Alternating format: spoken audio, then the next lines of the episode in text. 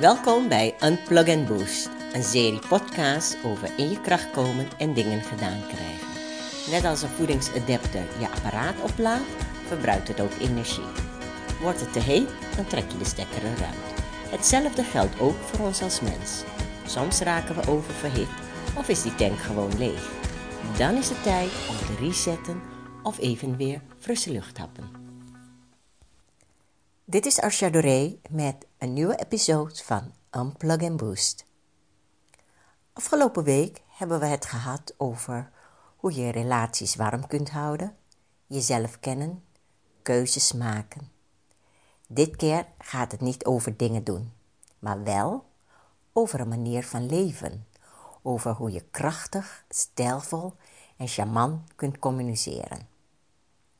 Eigenlijk is dit het belangrijkste in ons leven. Gesprekken maken namelijk onze wereld. Communiceren heeft op alles wat we doen impact. Het gaat verder dan kwijtraken wat je verdraagt, loslaten, of een geweldig huis of lichaam hebben, of een enorme hoeveelheid geld hebben. We kennen allemaal mensen die er succesvol uitzien, maar niet succesvol zijn. Ze hebben alleen van die mooie franjes, die mooie auto, huis, kleding. En hoewel het gemakkelijker is succes te krijgen als je geld hebt, is het geen garantie. En het is moeilijk succes te behouden als je er geen basis voor hebt gelegd. Succesvol zijn en je succes vergroten leer je door je gesprekstechnieken aan te scherpen. Wanneer we onze mond open doen en iets zeggen, denken we dat we gewoon praten. Maar wat we zeggen en hoe we iets zeggen, dat is een keuze uit een heel scala van mogelijkheden.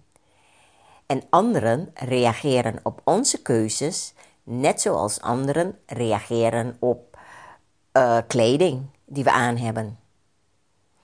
Kleding heeft als praktische doel dat het ons lichaam bedekt ons warm houdt. Maar anderen kunnen op basis van onze kleding ook al een indruk hebben van wat voor type we zijn. Als ik bijvoorbeeld een driedelig pak aandoe, kan de indruk gewekt worden bij de ander dat ik een formeel typeje ben.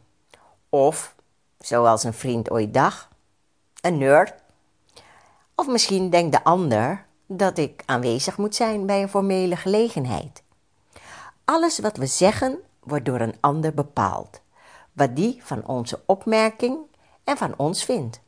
Die ander bepaalt dat op basis van signalen zoals uh, toonhoogte, tempo, spreekpauzes en luidheid. Die signalen zetten we vaak niet bewust in. Tenzij we natuurlijk ons ergens in een uh, specifieke setting bevinden zoals bijvoorbeeld een sollicitatiegesprek of dat we deelnemen aan een politiek debat. Maar in het algemeen letten we er niet bewust op van: uh, oké, nu ben ik geïrriteerd, dus ik ga nu mijn stem verheffen. Of wanneer je tot over je oren verliefd bent en je van al die vlinders in je maag ineens zit te stamelen. Doe je niet bewust, gebeurt ineens. Het bepaalt echter wel hoe een ander reageert. Die signalen zijn dus niet zomaar iets extra's, zoals bijvoorbeeld het glazuur op de cake. Het is je beslag waarvan de cake of het gesprek wordt gemaakt. En uh, als het kneden van het beslag of de ingrediënten die je eraan toevoegt, uh, dat gaat bepalen of die cake straks lekker smaakt of niet. Nou, dat geldt dus ook voor een gesprek.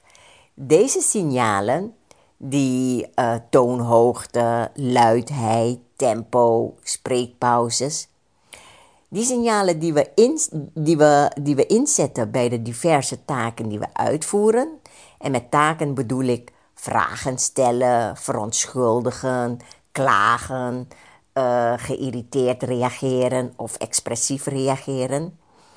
Uh, die signalen die we dus inzetten, bepalen of het gesprek een succes wordt of dat het een ravage wordt. Of het een van die twee het wordt, succes of ravage, komt omdat we nooit direct zeggen wat we precies bedoelen. We houden altijd rekening met hoe de ander zal reageren. Maar je kan niet exact weten hoe een ander reageert. Iedereen reageert anders. En bovendien weet je vaak niet uh, wat de achtergrond is van iemand. Uh, hoe iemand is opgegroeid. Wat zijn uh, verwachtingen zijn of zo.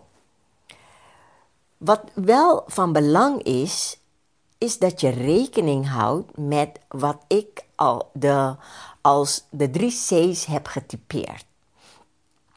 En de drie C's, dat zijn uh, termen die ik eigenlijk, zijn Engelse termen. En ik zal ze ook proberen om uh, ze exact zo in het Nederlands te vertalen. Uh, de eerste is de zee van compassie, compassion.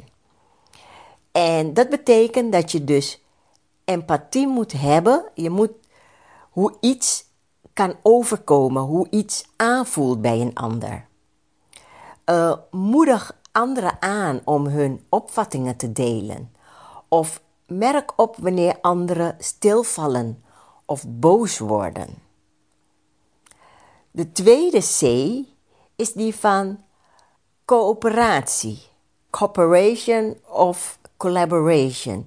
En dat betekent samenwerken. En dat zegt het woordje samenwerken al. Samenwerken. En samenwerken levert vaak waardevolle inzichten op waar jullie beiden naartoe willen of wat jullie uit zo'n gesprek willen halen.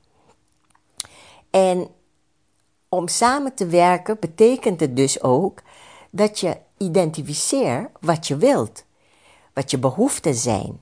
Wees specifiek en benoem het.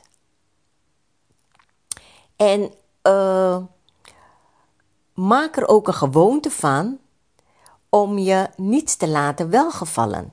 Zeg waar het op staat, maar doe het voorzichtig. De derde C is van controle over je emoties. Pas de what's in it for us benadering toe in plaats van what's in it for you or what's in it for me. Sta open voor eventuele mogelijkheden en geef de drang om het bij het rechte eind te hebben op.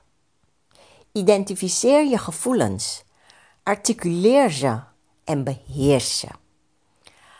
Als je je grenzen aangeeft, dan zal een ander daarin meegaan en het ook respecteren. Of de ander stapt eruit. In het Engels vind ik altijd dat je bepaalde dingen veel krachtiger kunt uh, uitspreken of formuleren. En uh, dat is dus setting boundaries creates for the other person to step in or step out. En genereer dus ideeën en spreek ze ook uit. Bij het toepassen van deze drie C's, wat je nog meer kan helpen in het vergroten van je succes, zijn de volgende tips. 1. Luister aandachtig en eigenlijk naar wat niet wordt gezegd. Het is de toon die de muziek maakt en daarmee wordt het verhaal door het oor beheerst. 2. Stop met roddelen. De regel is dat je niet praat over iemand die er niet bij is. En het is bijna onmogelijk om iemand door de modder te halen zonder zelf ook smerig te worden. Volgende tip. Klaag niet, maar vraag. Mensen die klagen zijn niet aantrekkelijk en zelden productief en het helpt niet als je succes wilt krijgen. Andere tip. Bijt op je tong. Soms zitten mensen niet te wachten op onze goede adviezen of raad. En een laatste tip: probeer anderen niet te veranderen. Dat is energieverspilling. Je kan alleen jezelf veranderen. Dus samenvatten, bewust rekening houden met de drie C's: compassie, coöperatie en emotionele controle. En de tips die ik je net heb gegeven, maak dat de ander ook rustig en vriendelijk zal reageren. Dan laat me je nog een bonus geven, zodat je ook echt gehoord wordt. Schrap de ik uit je vocabulaire. En stel nou, je bent op een vergadering en je begrijpt iets niet.